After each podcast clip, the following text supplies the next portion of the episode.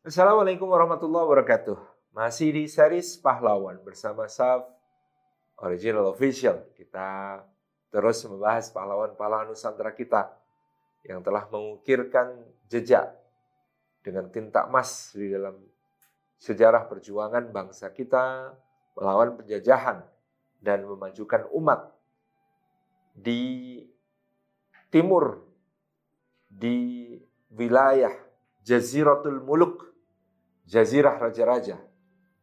Ada kerajaan Tidore yang merupakan pemimpin dari persekutuan Ulisiwa.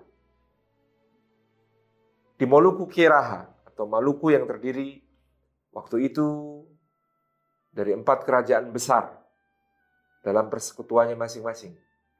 Ada Ternate, ada Tidore, ada Bacan, dan ada Jailolo.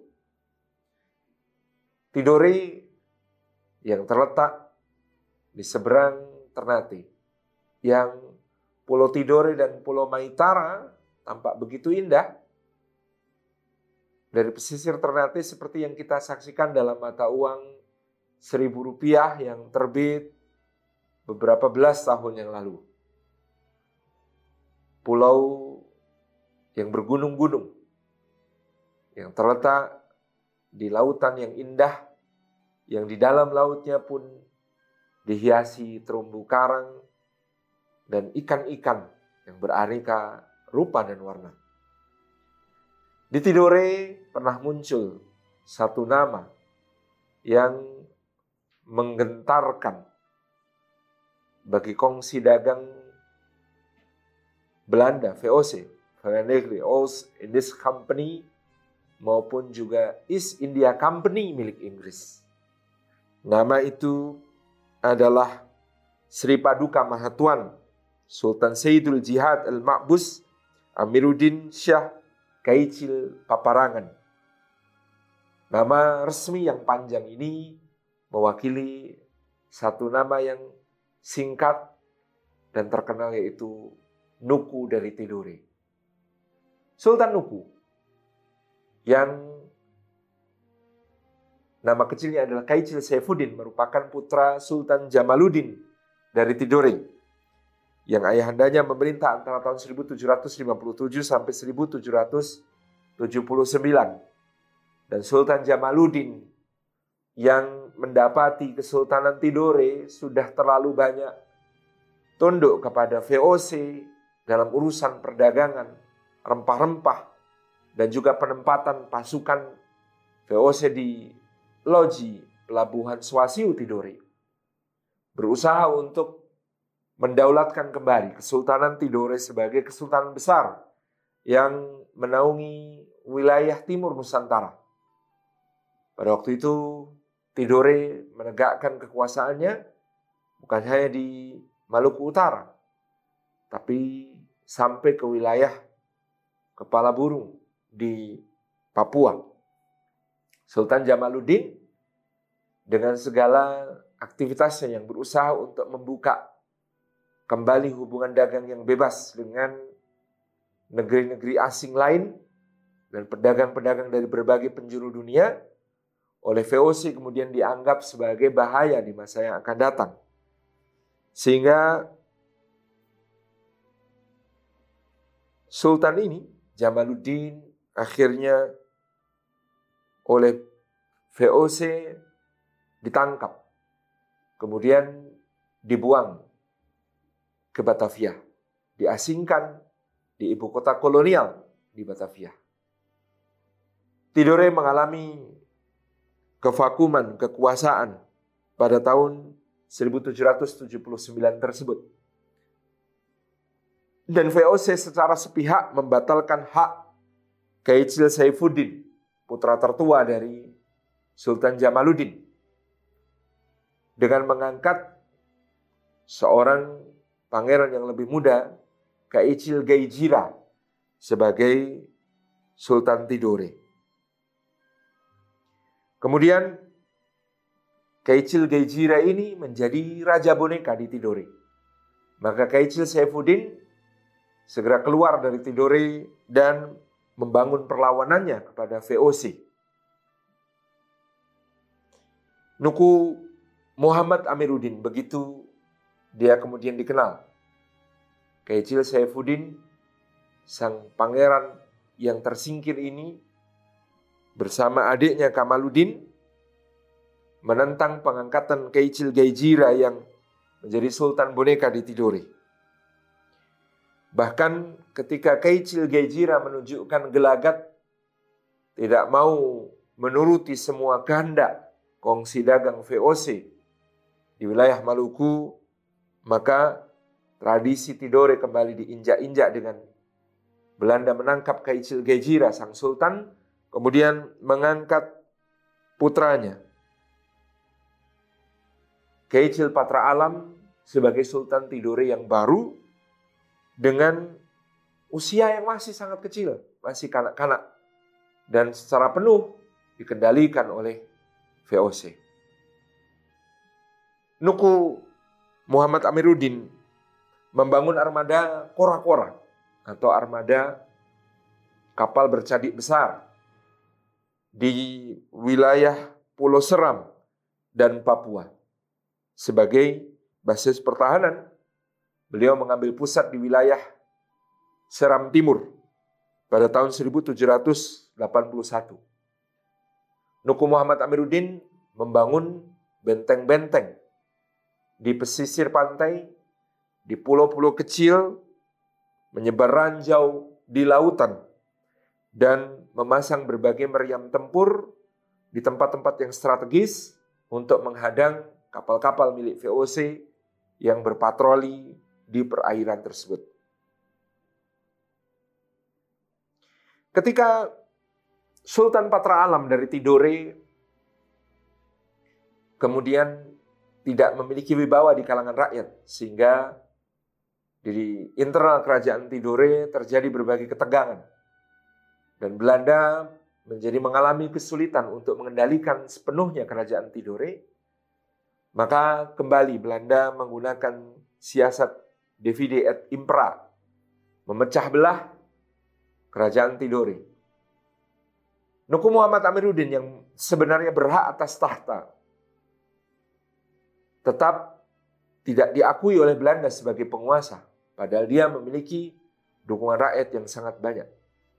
Sebagai pengimbang supaya Belanda bisa bertindak di Tidore, maka Kamaluddin, Keicil Kamaluddin, adik Nuku Muhammad Amiruddin, sama-sama putra Sultan Jamaluddin, ini dilobi oleh Belanda untuk meninggalkan kakaknya dan menjadi sultan di Tidore. Ini tentu tawaran yang sangat menggiurkan. Karena kalau dia terus berjuang di sisi kakaknya, dia hanya akan menjadi seorang pangeran. Tetapi dengan tawaran Belanda, tawaran VOC pada saat itu, dia bisa menjadi sultan di Tidore. Maka Kamaluddin pun turun dari wilayah Seram yang kemudian menjadi markasnya bersama kakaknya Nuku Muhammad Amiruddin kembali ke Tidore untuk ditahbiskan menjadi sultan penguasa Kesultanan Tidore pada saat itu. Ini merupakan pukulan bagi perjuangan Nuku Muhammad Amiruddin ketika adik yang sangat disayanginya ternyata tega berkhianat dan memilih untuk memihak kepada VOC Belanda dengan imbalan menjadi sultan di Tidore. Maka pada tahun 1787 kekuatan gabungan pasukan VOC Belanda dan Kesultanan Tidore di bawah pimpinan Kamaluddin yang mengetahui basis pertahanan Nuku Muhammad Amiruddin di Seram Timur mengadakan penyerbuan ke markas Nuku Muhammad Amiruddin. Tentu berbagai informasi dan data dari Kamaluddin menjadi modal yang sangat berharga bagi VOC Belanda dan kapal-kapal perangnya waktu itu untuk menghantam kedudukan Nuku Muhammad Amiruddin di wilayah Seram Timur. Hal ini menjadikan perlawanan hukum Muhammad Aminuddin terpaksa mundur. Beliau pun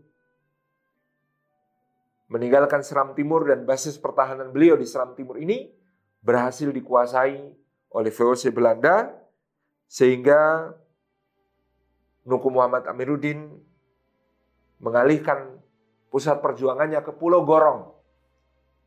Di Pulau Gorong inilah Nuku Muhammad Amiruddin mengatur siasat bagaimana caranya untuk bisa mengalahkan VOC Belanda.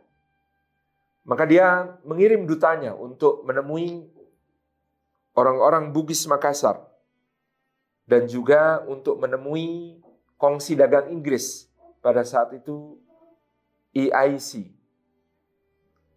yang EIC ini bersama Belanda VOC akan terlibat dalam pertukaran sebuah pulau di Maluku dengan sebuah pulau di benua Amerika yang akan terkenal hari ini. Pulau di Maluku ini adalah Pulau Run di wilayah Banda yang merupakan penghasil pala terbaik di dunia. Rempah-rempah yang sangat diinginkan oleh bangsa Eropa.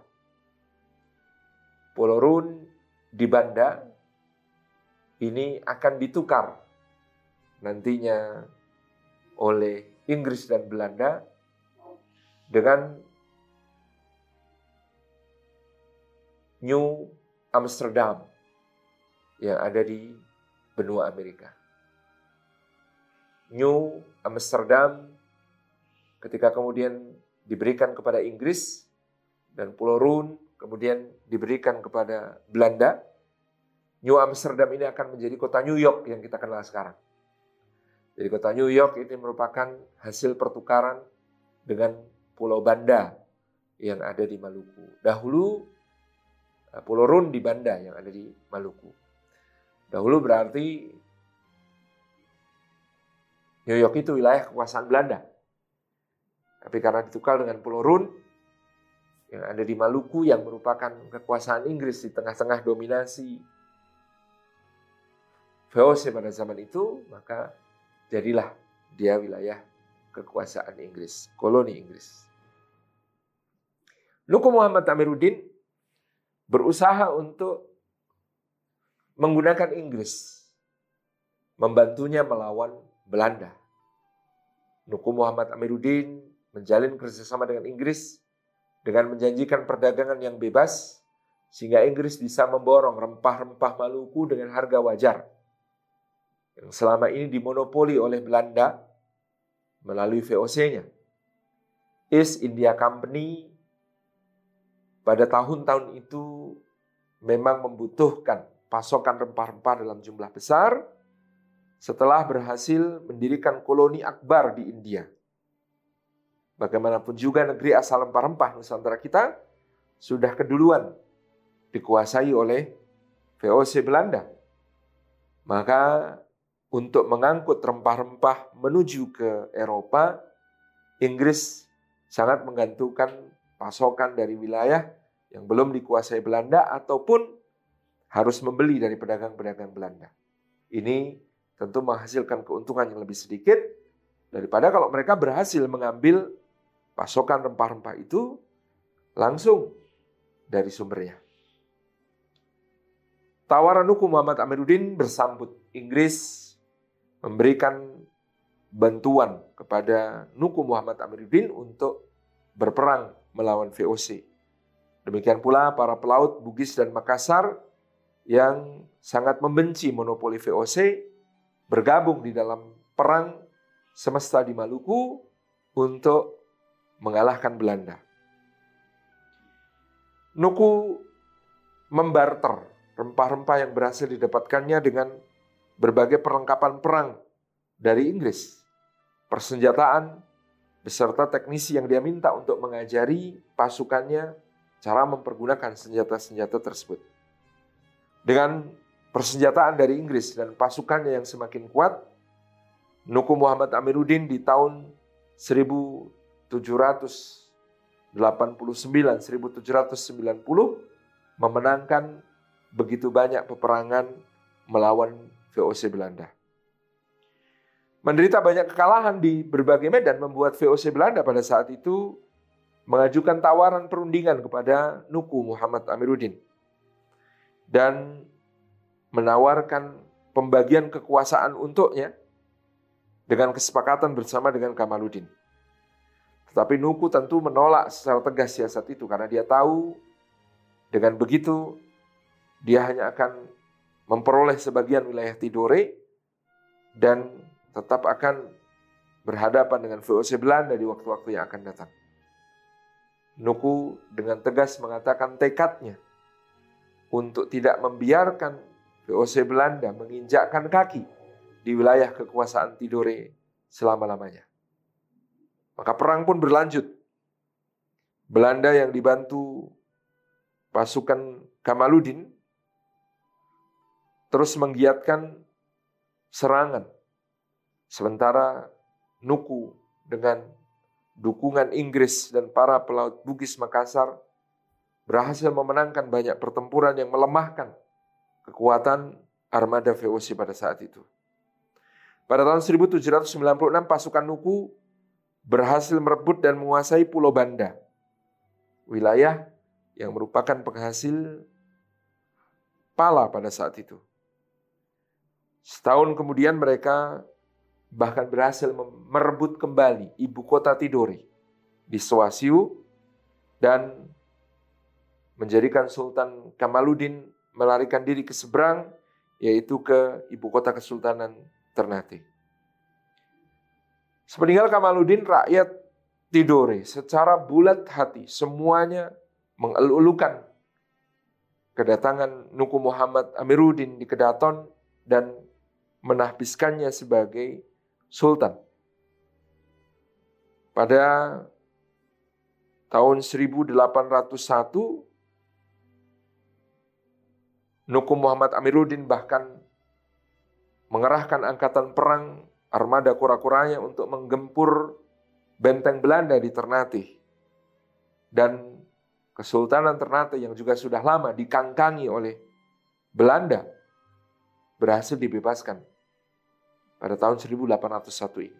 Menjadikan Nuku Muhammad Amiruddin dihormati di seluruh wilayah Moluku Kiraha sebagai sultan pembebas. Kepadanya disematkan gelar yang membahana. Sri Paduka Mahatuan, Sultan Sayyidul Jihad. Sayyidul Jihad karena beliau memang pemuka dalam perjuangan jihad fi sabilillah. Al-Ma'bus, Amiruddin Syah, Kaicil Paparangan.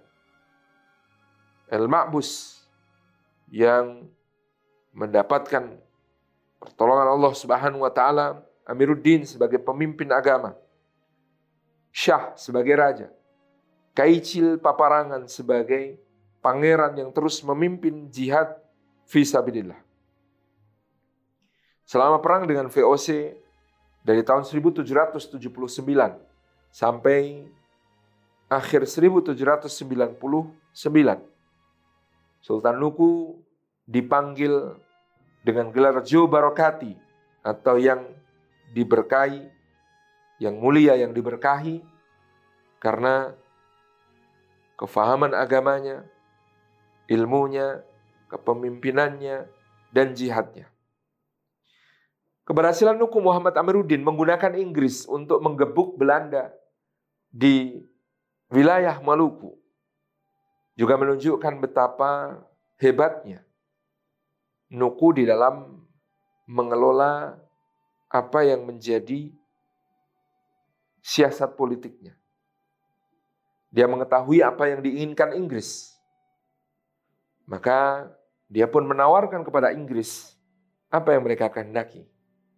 Hanya dengan ketegasannya, Nuku Muhammad Amiruddin juga tidak pernah mengizinkan Inggris melakukan monopoli dagang di wilayah Maluku. VOC yang menekan Maluku selama bertahun-tahun dengan politik monopoli dagang. Dia hancurkan dengan Inggris dan dia ikat perjanjian dengan Inggris bahwa yang akan mendatang dilakukan adalah sebuah perdagangan bebas yang tentunya tidak mengikatnya dalam kezoliman baru bersama Inggris. Kepedulian Joe Barakati, Nuku Muhammad Amiruddin untuk melindungi hak dagang dari pedagang-pedagang muslim lain dari wilayah lain, terutama dari wilayah Bugis dan Makassar, menjadikan beliau juga mendapatkan dukungan dari mereka. Kapal-kapal Bugis dan Makassar dengan sukarela mengangkut logistik untuk pasukan Nuku Muhammad Amiruddin. Kadang-kadang bahkan mengangkuti pasukan Nuku Muhammad Amiruddin dari satu pulau ke pulau lain. Dan mereka memberikan itu sebagai khidmah, layanan yang cuma-cuma, yang penuh dengan rasa persaudaraan dan nilai-nilai perjuangan untuk mendukung Nuku Muhammad Amiruddin yang telah berpihak kepada mereka di dalam perdagangan rempah-rempah supaya bisa mengambil alih kekuasaan di Tidore yang dengan demikian membebaskan Moluku Kiraha dari penjajahan VOC. Nuku Muhammad Amiruddin berhadapan dengan VOC sampai VOC pun bubar pada 31 Desember 799. Setelah itu kekuasaan VOC beserta seluruh aset dan hutang-hutangnya diambil alih oleh kerajaan Belanda maka mulai tahun 1800 Nuku Muhammad Amiruddin telah berhadapan dengan kerajaan Belanda. Sampai tahun 1801 di mana dia berhasil membebaskan negeri tetangganya yang sering menjadi pesaingnya yaitu Ternate dari cengkraman Belanda dengan gempurannya ke benteng Belanda di Ternate sehingga Ternate bebas dari kolonialisme dan di bawah nuku Muhammad Amiruddin yang jaya, Joe Barakati yang terberkahi dan dihormati semua raja-raja Maluku Utara, maka seluruh wilayah Maluku dan Maluku Utara pada masa Nuku Muhammad Amiruddin telah bebas dari penjajahan. Nuku Muhammad Amiruddin berperang melawan VOC dan Belanda dari tahun 1779 sampai 1801 selama kurang lebih 22 tahun lebih. Dan ini adalah kegigihan yang luar biasa dari seorang pemimpin. Dan dia memimpin Moluku Kiraha dalam keadaan damai sentosa. Hanya kurang lebih empat tahun sampai wafatnya di tahun 1805. Pada masa pemerintahan Nuku Muhammad Amiruddin wilayah kekuasaan Tidore meluas, meliputi Pulau Tidore, Halmahera Tengah, pantai barat dan bagian utara Irian Barat, sampai ke Seram,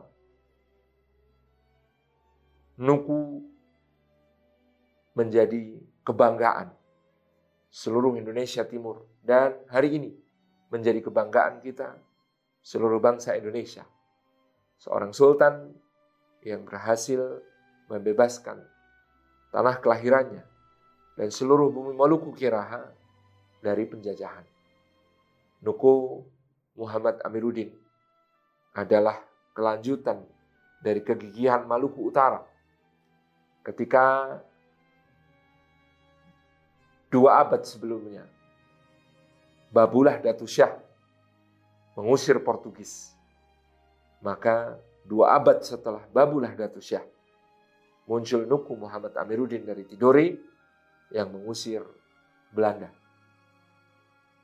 Ini melengkapi kisah-kisah kepahlawanan dari Nusantara Timur yang akan terus memberikan sumbangsi terbaiknya untuk bangsa kita, termasuk ketika kemudian proklamasi kemerdekaan telah diumumkan Kesultanan Tidore menjadi salah satu yang bergegas untuk bergabung dengan Republik Indonesia yang diproklamasikan oleh Soekarno dan Hatta.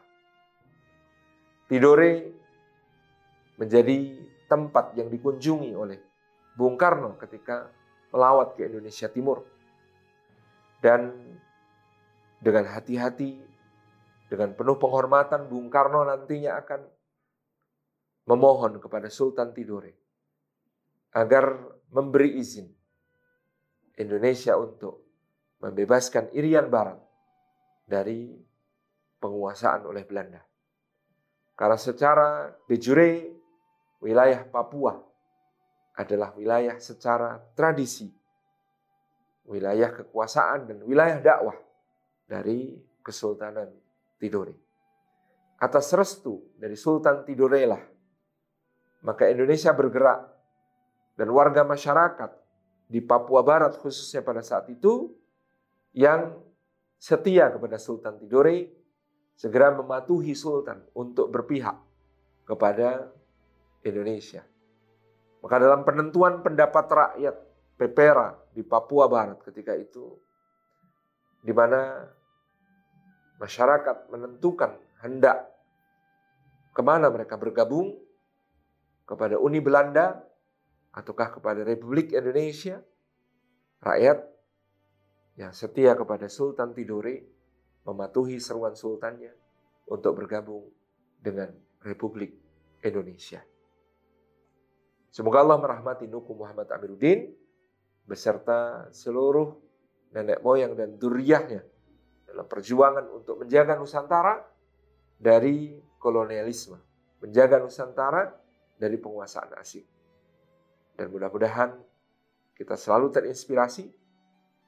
Mungkin Nuku Muhammad Amiruddin adalah sosok yang memegang rekor, berhasil mengadu antara Kongsi Dagang Inggris EIC dengan VOC Belanda untuk kejayaan Nusantara. Wassalamualaikum warahmatullahi wabarakatuh.